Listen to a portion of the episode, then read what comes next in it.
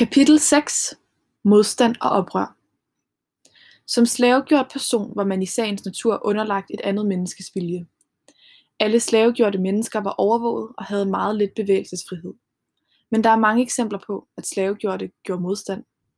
Selvom slaveriet var præget af meget stor brutalitet, var de slavegjorte også en værdifuld ejendom, og i spændet mellem disse yderpunkter foregik der modstandshandlinger. I forhold til arbejdet med sukkerrør var den ultimative modstandshandling at brænde sukkermarkerne af, netop fordi planten var så krævende og langsomt voksende. En nedbrændt mark betød, at der ikke var nogen indtjening på sukker for en plantageejer de næste to år. Mindre, men mere almindelige former for modstand var udeblivelse, petit marronage, flugt, grand marronage. At arbejde langsomt, sabotere redskaber, forsøge at forgifte forvalteren eller udøve selvskade. Der var naturligvis meget strenge straffe for sådanne handlinger, men det er vigtigt at huske på, at de slavegjorte havde og brugte midler til at vise modstand, hvis plantageejeren behandlede dem dårligt, og både kvinder og mænd gjorde modstand. Desuden kan man se, at mange danske forbud, der blev indført løbende gennem hele perioden med kolonistyre, forbud mod f.eks. hekseri, obea eller brugen af nære-instrumenter, som der står i guvernør Philip Gardelins forordning af 15. september 1733, ikke har virket efter hensigten. Afrokaribierne har fastholdt afrikansk religion, musik og traditioner i en sådan grad, at det er blevet en integreret del af vestindisk kultur i dag. Slaveoprøret på Sankt Jan 1733 Et konkret eksempel på voldsom modstand er det store slaveoprør på Sankt Jan, der begyndte den 23. november 1733. Det nævnes ofte, at en af de direkte årsager til oprøret var guvernør Philip Gardelens meget hårdhændede forordning af 5. september 1733, almindeligt kendt som Gardelens slavereglement. Forordningen lovsatte brutale straffe for selv små forteelser, Derudover nævnes at oprøret kom efter år med naturkatastrofer, tørker og orkaner, og den efterfølgende sult på grund af ødelagte afgrøder. Det kan dog ikke bevises, at der er en forbindelse mellem disse faktorer og selve oprøret. Naturkatastrofer var tilbagevendende på øen, og der er intet, der tyder på, at Gardelens slavereglement nåede at blive implementeret, inden oprøret brød ud. Det er derfor sandsynligt, at oprøret ikke var en pludselig, desperat handling, der skyldtes ekstraordinære omstændigheder på Sankt Jan, men at det ganske enkelt skyldtes de brutale forhold og usle levevilkår, de slavegjorte afrokaribier generelt levede under i den danske sukkerkoloni. Omkring 50 plantager og utallige sukkermarker blev destrueret i løbet af oprøret, og adskillige europæiske planter og andre bosættere blev slået ihjel.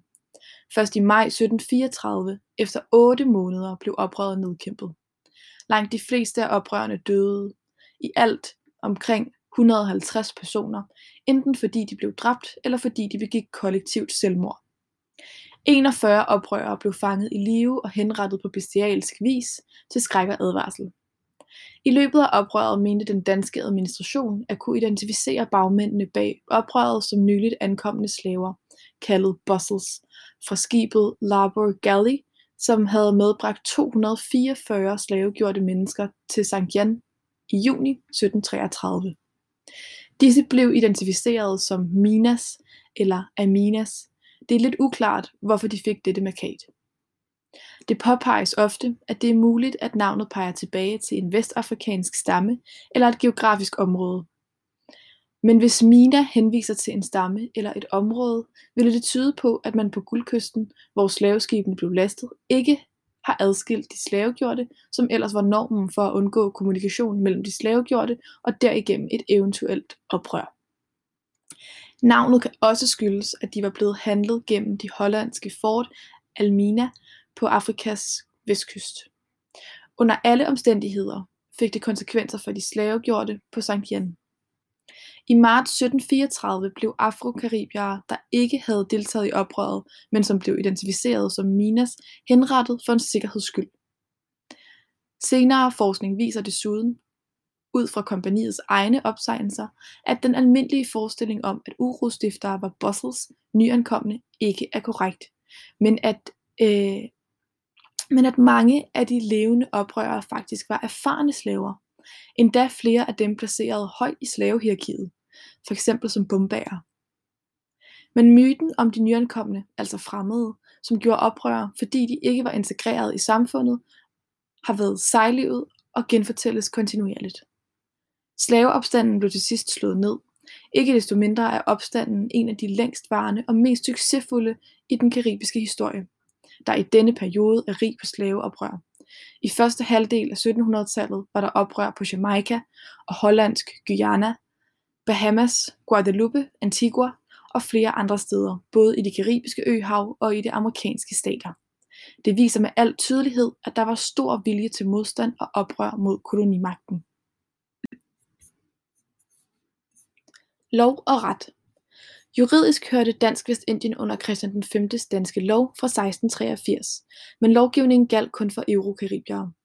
Den slavegjorte befolkning hørte ind under lovens artikel om adkomst, gods og gæld, der fastlagde retningslinjerne for den private ejendomsret. De slavegjorte tilhørte altså slaveejerne side om side med heste, køer, okser med mere. Fra Danmarks side var der således længe ikke nogen særlig lovgivning om, hvordan de slavegjorte skulle behandles. Man gik ud fra, at slaveejerne havde en naturlig interesse i at behandle deres ejendom ordentligt, og man stillede ikke yderligere spørgsmål. I 1733 indførte guvernør Philip Gardelin sit slavereglement i Dansk Vestindien. Reglementet blev udformet i den tid, hvor øerne hørte under det vestindisk kinesiske kompani og afspejlede slaveejernes interesser ved primært at fastsætte hårde straffe for slavegjorte, der ikke rettede ind. Reglementet krævede blandt andet, at en slavegjort skulle have sin hånd amputeret, hvis han eller hun løftede en hånd mod en blank, og et ben, hvis en slavegjort løb bort i 12 uger, eller hvis han eller hun medvirkede i et komplot mod de hvide eurokaribiere. Ifølge Gadelens reglement var der desuden dødsstraf for flere overtrædelser, blandt andet hvis man mente, at den slavegjorte havde været til sinds at forgive nogen. Det er dog, der er dog meget, der tyder på, at straffene i Gadelens reglement i realiteten sjældent blev brugt i hele dens brutale udstrækning.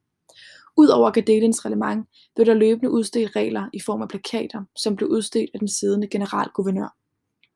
I 1755, da den danske stat overtog administrationen af Dansk Vestindien, indførte Frederik den 15. forordningen af 31. marts 1755. Med forordningen fulgte et slavereglement øh, reglement for slaverne i Amerika, der skulle træde i stedet for guvernør Gadelins meget brutale reglement.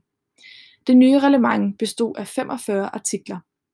Hvis alle 45 artikler blev kundgjort på øerne, ville det betyde, at de slavegjorte fik både pligter og rettigheder, selvom de var ejendom.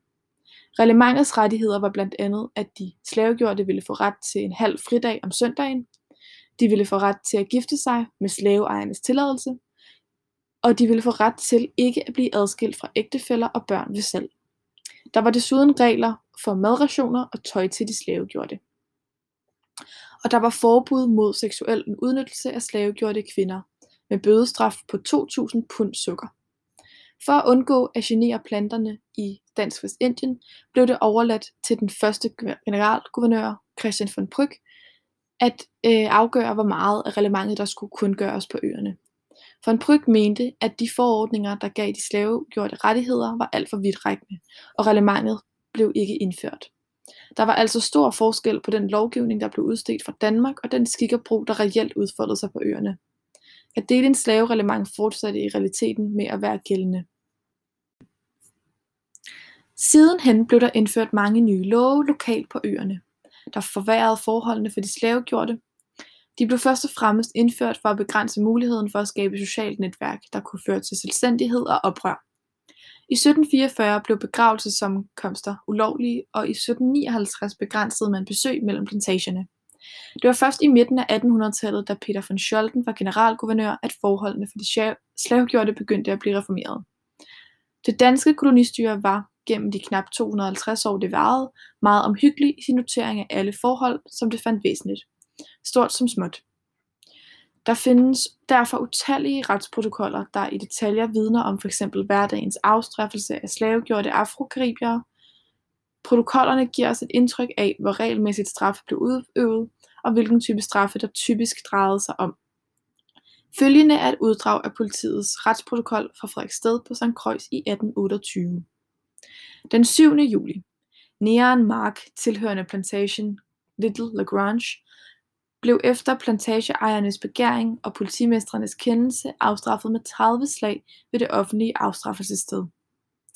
Negeren Billy, tilhørende Madame Minor, blev efter generalguvernørens resolution af 4. juli sat i gabestokken i to timer og derefter straffet med 100 slag ved det offentlige afstraffelsessted, hvorefter han igen blev udleveret til sin ejerinde. Den 8. juli, nærerinden Louis Shiba, tilhørende FN Mary Louine, blev efter ejerens begæring og politimestrenes kendelse afstraffet med 30 slag ved det offentlige afstraffelsessted for uforskammet opførsel. Nærinderne Callisto, Agnes, Marianne, Rosetto, Venus, tilhørende plantagen Spread Hall, blev forhørt af politiet i fortet. Den 17. juli, Neon Timothy, tilhørende plantation Great Lagrange, blev indsendt af forvalteren for selv at have hugget sig i hånden. Timothy blev indsat i fortets fængsel og straffet med arbejde. Den 19. juli, Nærinderne Callisto, Agnes, Marianne, Rosette, Venus, tilhørende Plantation Spread Hall, blev frigivet og efter generalguvernørens resolution 15 under bevogtning ført til Plantation, og der i de andre slavers og politiets overværelse blev den førstnævnte afstraffet med 80 slag og de øvrige med 30 slag. Desuden blev Callisto lagt i lænker og sat til at arbejde i lænker i to måneder på plantation.